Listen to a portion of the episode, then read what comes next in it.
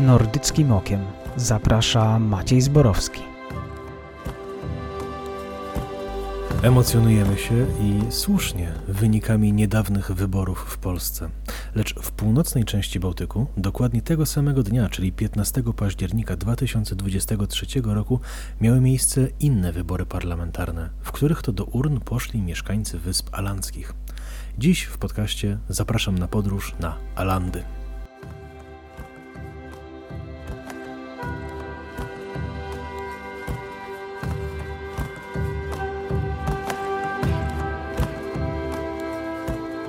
Tu Maciej Zborowski. Jestem skandynawistą, rusycystą i doktorem językoznawstwa. W niniejszym cyklu, goszczącym na łamach podróży bez paszportu, opowiadam o rozmaitych zagadnieniach nordyckich. I dziś kolejny temat Wyspy Alandzkie. Istnieje taki archipelag na Bałtyku, o którym gdzieś coś kiedyś słyszeliśmy, ale w sumie to statystyczny Polak mało co potrafi o nim powiedzieć, poza tym, że te wyspy istnieją. Mowa tu o wyspach alandzkich. I uwaga, nie mylić wysp alandzkich z Olandią, czyli drugą największą wyspą Szwecji. Można sobie zadać pytanie całkowicie słuszne, jak to się stało, że wybory parlamentarne odbyły się na terytorium, które nie jest samodzielnym państwem. O tym za chwilę. A na razie pozwolę sobie pokrótce opowiedzieć, czym Wyspy Alandzkie są oraz dlaczego ten obszar jest tak wyjątkowy na mapie Europy. Polskie wybrzeże to przede wszystkim piaszczyste plaże, imponujące klify oraz nieliczne wyspy, głównie na Pomorzu Zachodnim.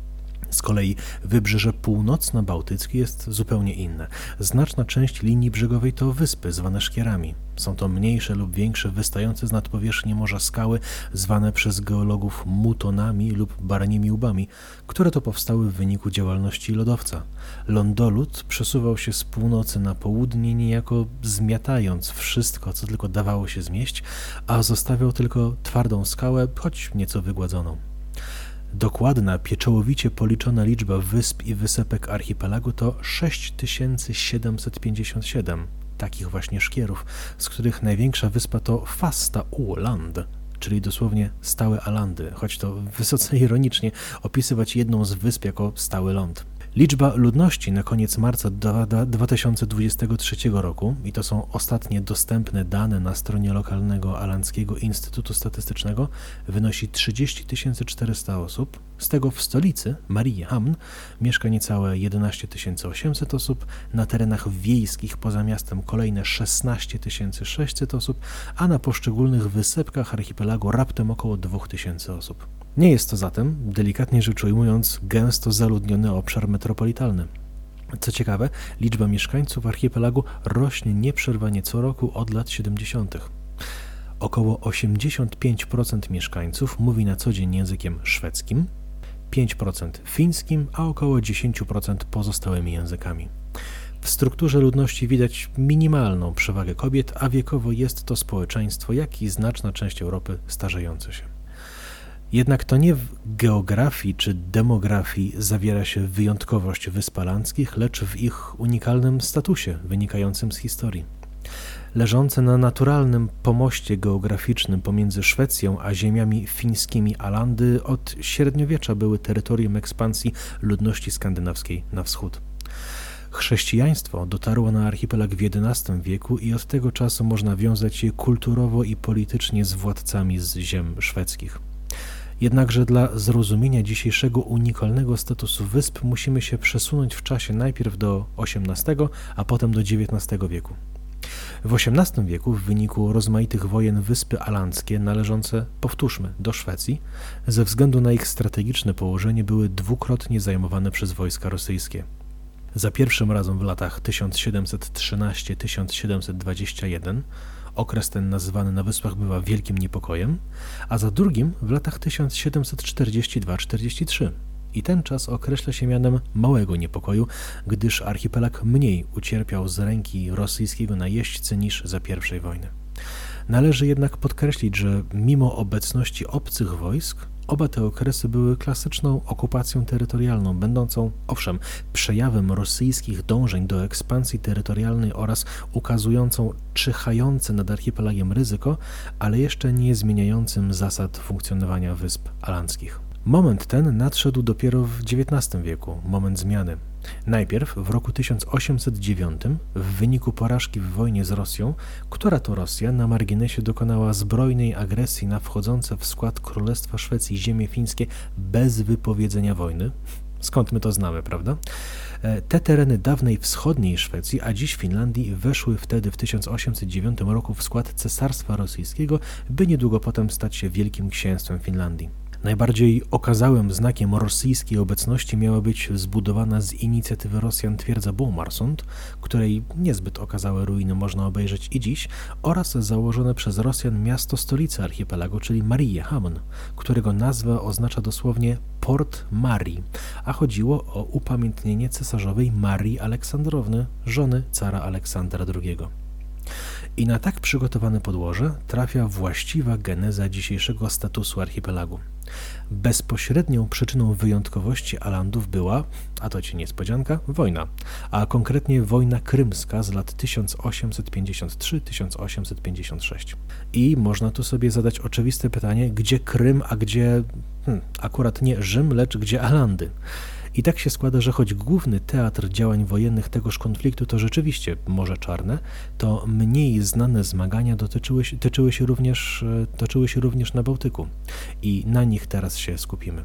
Lokalny z początku konflikt rosyjsko-turecki o obszar Morza Czarnego i dostęp do cieśnin tureckich, Dardanelle, Morze Marmara, Bosfor, przekształcił się w ogólnoeuropejski konflikt, gdzie słabszą Turcję przeciw coraz silniejszej Rosji wsparły Wielka Brytania i Francja.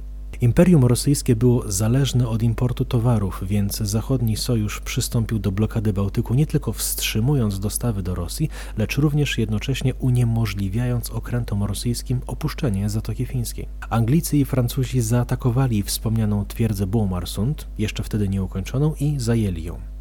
Wojna krymska zakończyła się w roku 1856 i wieńczył ją traktat paryski z 30 marca 1856 roku, w którym to traktacie, poza szeregiem innych postanowień, zawarto tzw. Tak servitut alandzki, gdzie mocarstwa zobowiązywały Rosję do demilitaryzacji Wysp Alandzkich. Akt ten był w dużej mierze inicjatywą neutralnej w czasie wojny krymskiej Szwecji, która obawiała się obecności wojsk rosyjskich na wchodzących w skład państwa carów Alandach. W myśl servitutu alandzkiego na wyspach nie mogło być ani żołnierzy rosyjskich, ani fortyfikacji. Stąd też brytyjscy i francuscy żołnierze wysadzili mury twierdzy Błomarsund, na marginesie znajdujący się w Helsinkach Sobór Uspieński, czyli zaśnięcia Matki Boskiej, prawosławny, jest częściowo zbudowany z cegieł pozostałych ze zniszczonej twierdzy. Od tej pory, czyli właśnie od roku 1856, Alandy miały być zdemilitaryzowane, a status ten został dodatkowo potwierdzony przez późniejsze międzynarodowe umowy Traktat Londyński z 1871 roku oraz Traktat Berliński z 1878 roku. Rosja jednakże nie mogła pogodzić się z marnującym się potencjałem militarnym najbardziej na zachód wysuniętego obszaru imperium. Nieudana próba obalenia niemilitarnego statusu wysp miała miejsce w roku 1908, lecz faktyczne naruszenie zasady nieobecności wojska nastąpiło w czasie I wojny światowej. Rosja w 1916 roku ujawnia budowę 11 stanowisk artylerii nabrzeżnej w celu obrony przed potencjalnym atakiem floty niemieckiej i dzieje się to przy cichym przyzwoleniu Anglii i Francji. Spójrzmy na nowy obraz obszaru wokół północnej części Morza Bałtyckiego, który wyłoni się w ostatnim roku I wojny światowej. Finlandia uzyskała niepodległość 6 grudnia 1917 roku. Wyspy Alandzkie w myśl obowiązujących jeszcze XIX-wiecznych traktatów miały pozostać neutralne, a na wyspach mieszkała w przeważającej większości ludność szwedzkojęzyczna, czująca z tego choćby powodu więź ze Szwecją.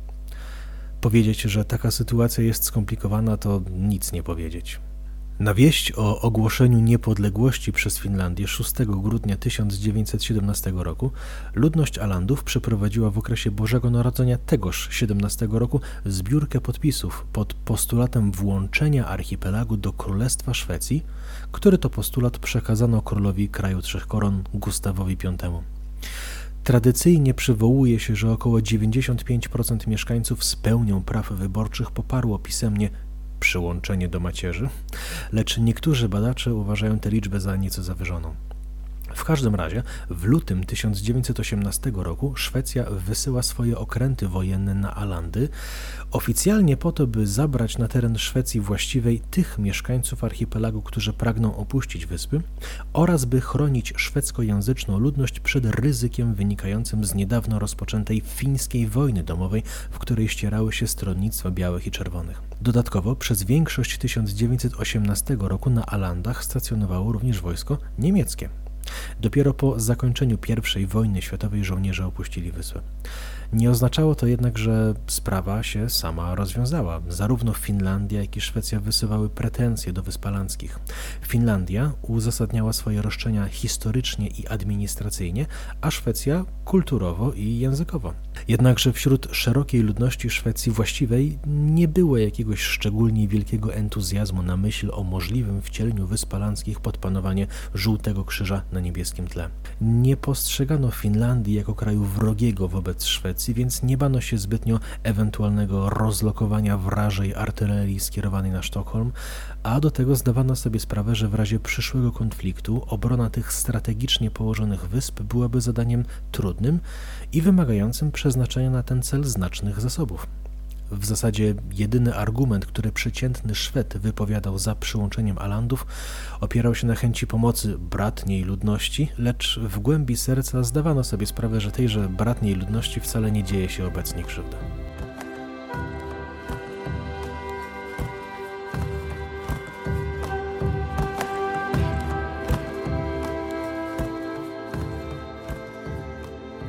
Finlandia do tego, nie chcąc zupełnie stracić wysp, uchwaliła autonomię archipelagu, w tym możliwość powoływania własnego parlamentu. Jednakże szwedzkojęzyczni mieszkańcy Alandów mieli apetyt na więcej i naciskali wciąż na ponowne zespolenie ze Szwecją. Po wzajemnej szwedzko-fińskiej wymianie mniej lub bardziej napastliwych pism dyplomatycznych, Szwecja chciała poruszyć temat przynależności archipelagu na konferencji pokojowej w Wersalu, lecz mocarstwa nie zdecydowały się na włączenie tej kwestii do traktatu i postanowiły przekazać sprawę do nowo powstałej instytucji, jaką była Liga Narodów. Po gruntownym zbadaniu sprawy w raportach, komisjach itp. ten poprzednik Organizacji Narodów Zjednoczonych wydał decyzję, w której po pierwsze stwierdzono, że Finlandia ma uzasadnione prawo do Wysp Alandzkich, lecz musi respektować język i kulturę mieszkańców wyspy oraz po drugie podkreślono konieczność utrzymania obowiązującej od 1856 roku demilitaryzacji archipelagu, choć w przypadku konfliktu zbrojnego Finlandia ma mieć prawo do obrony Alandów.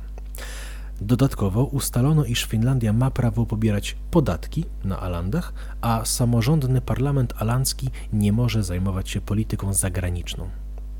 Ustalenia te formalnie zostały podpisane 20 października 1921 roku w Genewie, nie tylko, wśród, nie tylko przez Finlandię oraz Szwecję, ale również przez innych sygnatariuszy, wśród których, co ciekawe, była Polska. W wypracowanym rozwiązaniu podkreślano, że nie chce się upokarzać Finlandii, która dopiero co uzyskała niepodległość, a do Szwecji apelowano o dojrzałość podobną do tej, jaką okazała w roku 1905 podczas rozwiązywania Unii Szwedzko-Norweskiej.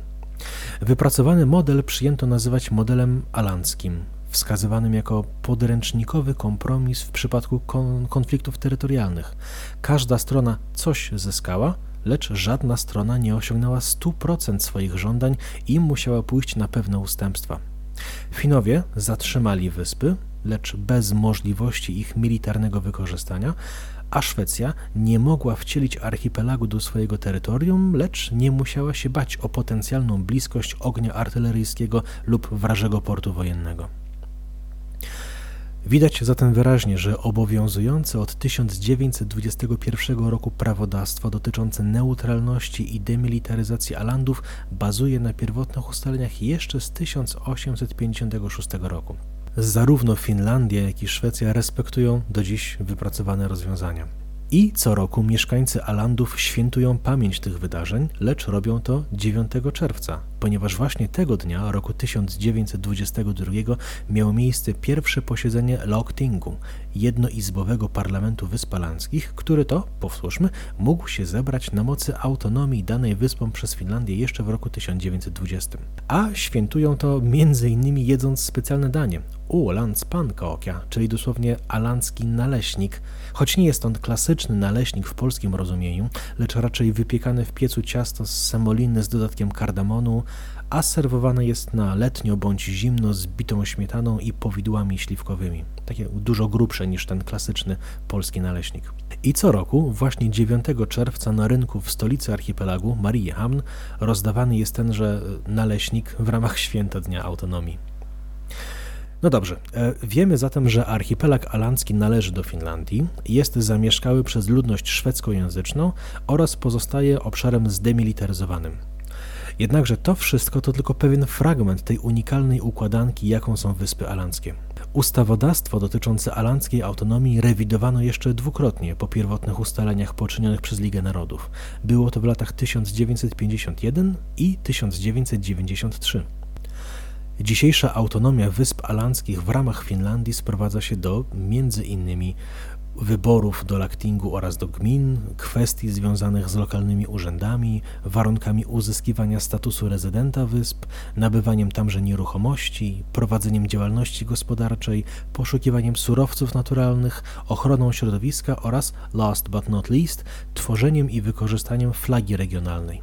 I skoro już o fladze mowa, Pierwsza propozycja sztandaru Alandów ujrzała światło dzienne już w roku 1922. Była to flaga prostokątna, podzielona na trzy równej szerokości poziome pasy, z których górny i dolny był niebieski, a środkowy żółty. I były to te same barwy co na fladze Szwecji. Początkowo była ona spontanicznie używana na archipelagu, została jednak formalnie zakazana przez władze fińskie w roku 1935 i dopiero wspomniana rewizja zasad autonomii z 1951 roku pozwoliła Alandczykom na posiadanie własnej flagi. Początkowo Lochting był podzielony. Niektórzy chcieli utrzymania poprzedniej pasiastej flagi, a inni optowali za tradycyjnym nordyckim krzyżem. Po debatach ustalono w dość wyrównanym głosowaniu w grudniu 1953 roku, a więc niedługo będzie obchodzone 70-lecie tegoż wydarzenia, przyjęcie nowej flagi, która to ma niebieskie tło, żółty krzyż, czyli wygląda do tej pory dokładnie jak flaga Szwecji, oraz wpisany w tenże żółty krzyż cienki czerwony krzyż. I dziś flaga ta jest już rozpoznawalnym symbolem Wysp Alandzkich. Kwestia flagi jest regulowana urzędowo lecz przepisy nie mówią nic o hymnie, a takowy też istnieje. W 1922 roku, a więc na fali wciąż jeszcze świeżej kwestii alandzkiej, po raz pierwszy publicznie wykonano utwór o nazwie Ålänningen Song, co tłumaczy się jako pieśń Alandczyka. Jest to spokojny utwór, którego melodia brzmi mniej więcej tak.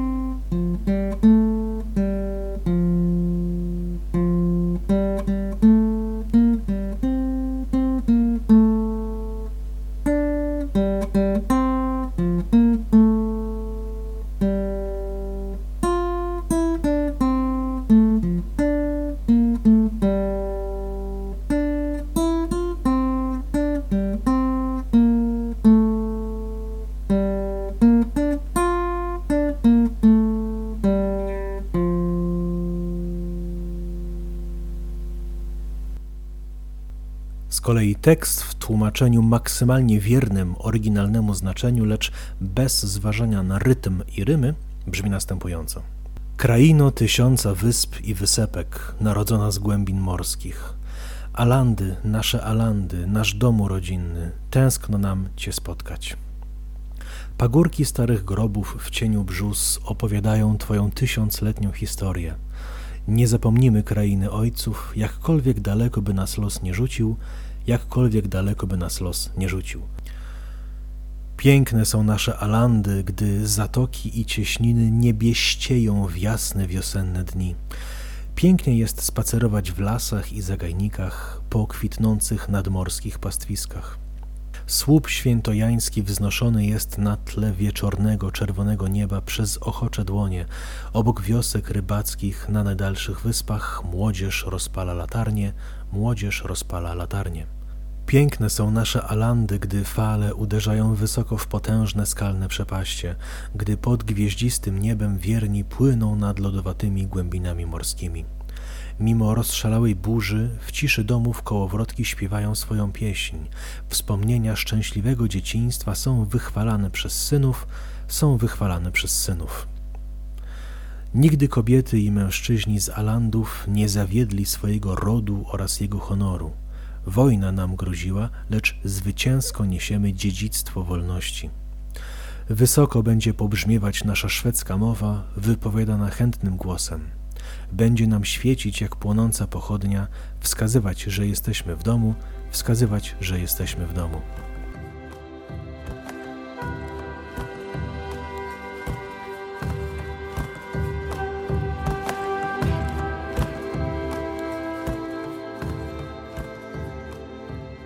Treści tego nieformalnego hymnu widać, co jest dla mieszkańców Alandów ważne. Z jednej strony powszechna w hymnach krajów nordyckich afirmacja przyrody, z drugiej język szwedzki i z trzeciej wreszcie, co wyśpiewano zwłaszcza w ostatniej zwrotce, dążenie do pokoju. Przypomnijmy ten tekst: Wojna nam groziła, lecz zwycięsko nieśliśmy dziedzictwo wolności. Dziedzictwo wolności to nic innego jak demilitaryzacja i autonomia. Wspominałem, że Parlament Wysp Alandzkich sam określa zasady posiadania obywatelstwa, i to oczywiście w cudzysłowie obywatelstwo, ponieważ nie jest to obywatelstwo de jure. By móc cieszyć się przywilejami wynikającymi z bycia Alandczykiem, osoba nieurodzona na archipelagu musi być na wyspach zameldowana przez co najmniej 5 lat oraz mieć obywatelstwo, tym razem to prawdziwe, fińskie oraz jeszcze dowieść, że włada się językiem szwedzkim. Co ciekawe, Alandczycy, którzy mieszkają, czytaj, są zameldowani poza wyspami przez co najmniej 5 lat, tracą status mieszkańca. W zarządach firm zarejestrowanych na archipelagu Alandczycy muszą stanowić co najmniej 2 trzecie składu, choć czyni się wyjątki dla działalności o szczególnym znaczeniu dla społeczeństwa, jak na przykład dla sektora bankowości czy transportowego. Oficjalny powód tych restrykcji to dbałość o ochronę alandzkiej tożsamości kulturowej oraz krajobrazu wysp. Była też mowa o przywilejach bycia Alandczykami i bodaj najbardziej zauważalny przywilej to niepodleganie obowiązkowemu w Finlandii powszechnemu poborowi mężczyzn do wojska. Wynika to logicznie z idei demilitaryzacji. Skoro zdemilitaryzowany jest archipelag, to i jego mieszkańcy powinni być zdemilitaryzowani, czyli nie podlegać służbie wojskowej. Zaznacza się również, że brak obowiązku służby w fińskim wojsku jest przejawem ochrony języka szwedzkiego, ponieważ szwedzkojęzyczni mieszkańcy Alandów w czasie służby zasadniczej musieliby porozumiewać się na co dzień językiem fińskim. A dodajmy jeszcze, że o ile cała Finlandia posiada dwa języki urzędowe, fiński i szwedzki, i obywatel ma prawo do obsługi w dowolnym urzędzie na terenie Finlandii właściwej w obu językach, o tyle na archipelagu zasada ta nie obowiązuje. Alandy są jednojęzykowe, szwedzkie i tutejsi urzędnicy nie mają obowiązku znać języka fińskiego. Ba, fiński nie ma nawet na Alandach statusu języka mniejszości narodowej, a w Szwecji właściwej już tak. A więc mamy tu ciekawy paradoks. Na wchodzących w skład Finlandii wyspach alandzkich użytkownicy języka fińskiego mają mniejsze prawa niż w sąsiedniej Szwecji, będącej przecież oddzielnym krajem. Jednakże sprawy wojskowe to tylko jeden z przejawów wyjątkowości archipelagu. Inny związany jest ze szczególnym statusem wysp w ramach Unii Europejskiej. Od początku lat 90. Finlandia negocjowała wejście do struktur europejskich. Jednym z elementów negocjacji były szczególne ustalenia dotyczące statusu Wysp Alandzkich. W jego w wyniku tychże negocjacji 24 czerwca 1994 roku zawarto traktat akcesyjny z Korfu, na mocy którego postanowiono m.in. oczywiście przyznać Alandom niejako specjalne warunki członkostwa. A przypomnijmy, że terytoria na przykład formalnie duńskie, jak Wyspy Owcze czy Grenlandia, nie należą do Unii Europejskiej, mimo iż sama Dania jak najbardziej należy, więc w przypadku Wysp Alandzkich taki status terytorium pozaunijnego też byłby teoretycznie możliwy. Po negocjacjach strony uzgodniły, że Wyspy Alandzkie w przypadku zgody Szwecji i Finlandii na wejście do Unii Europejskiej będą cieszyć się specjalnym statusem Archipelag będzie podlegał większości praw unijnych, lecz do wyjątków należeć będą strefa VAT, po pierwsze, gdyż archipelag nie wejdzie w skład unijnej strefy VAT, i po drugie ograniczenia w swobodnym przepływie osób, kapitału i świadczenia usług. I to będzie usankcjonowanie wspomnianych wcześniej już ograniczeń w uzyskiwaniu rezydencji, czy też obywatelstwa w cudzysłowie alandzkiego, nabywania ziemi czy prowadzenia działalności gospodarczej. W 1994 roku w październiku odbyło się ogólnofińskie referendum w sprawie członkostwa z Unii, gdzie większość głosujących poparła dołączenie do wspólnoty, a miesiąc później, w listopadzie tegoż roku, odbyło się lokalne alandzkie referendum, gdzie mieszkańcy wysp poparli wstąpienie do wspólnoty zgodnie z ustalonymi wcześniej wyjątkami. I to właśnie dzięki tym wyjątkom, a konkretnie niewstąpieniu Alandów do unijnej strefy VAT, na promach płynących przez Alandy pomiędzy Szwecją a Finlandią, przede wszystkim między Sztokholmem a Helsinkami, czy też Sztokholmem a samym Mariehamn, armatorzy mogą sprzedawać alkohol w modelu tax-free, co po pierwsze zwiększa rentowność biznesu oraz po drugie jest korzystne dla portfela pasażerów. To jest niesamowite, że pomiędzy dwoma krajami unijnymi znajduje się terytorium formalnie do Unii należące, lecz nie podlegające pod unijną legislację podatkową. Alandczycy naprawdę dobrze rozegrali tę partię. I jako tę wisienkę na torcie alandzkiej wyjątkowości dodam, że archipelag posiada własną domenę internetową .ax zarządzaną przez władze autonomii. Pierwotnie była ona zastrzeżona dla osób i instytucji powiązanych z archipelagiem, lecz od 2016 roku jest ona dostępna na wolnym rynku dla każdego chętnego.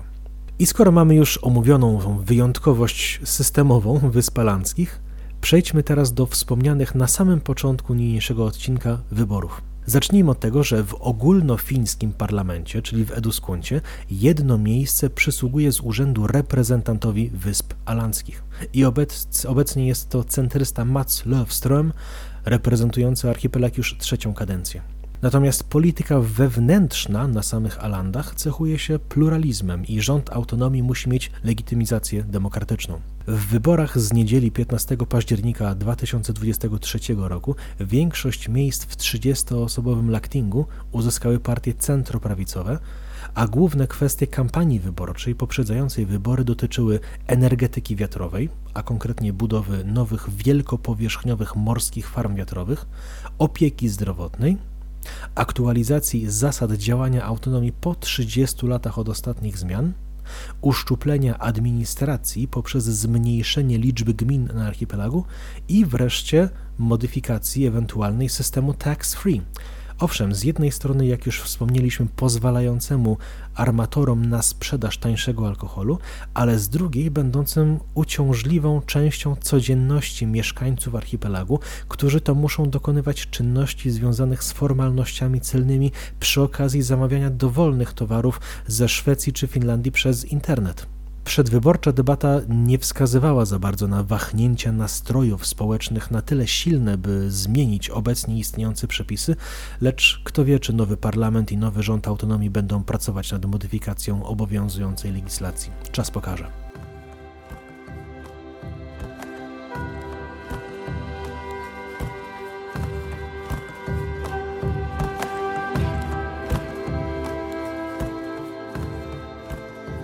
A zatem doszliśmy już prawie do końca naszej podróży bez paszportu na wyjątkowe Wyspy Alandzkie. Skupiliśmy się na ich unikalności historycznej i politycznej, lecz również przyrodniczo jest to piękne miejsce. A Polakom odwiedzającym archipelag polecam odwiedzić zamek Kastelholm, nie tylko z powodu historii tej datowanej na przełom XIV i XV wieku kamiennej fortyfikacji, lecz również ze względu na ciekawe polonikum, pod sufitem jednego z zamkowych pomieszczeń znajdują się współcześnie wykonane herby wszystkich właścicieli twierdzy i wśród nich, tych herbów, odnaleźć można orła białego na czerwonym tle. Jest to pamiątka po Katarzynie Jagielonce, córce polskiego króla Zygmunta I Starego, która wyszła za mąż za króla Szwecji Jana III Wazę i była matką panującego i w Polsce i w Szwecji króla Zygmunta Wazy. W Polsce Zygmunta III, w Szwecji Zygmunta I Wazy. A Kastelholm i Wyspy Alandzkie były podarkiem dla Katarzyny Jagielonki od jej szwedzkiego męża. Dziękuję za wysłuchanie niniejszego odcinka Nordyckim Okiem. i zapraszam już wkrótce na kolejne spotkanie. Do usłyszenia.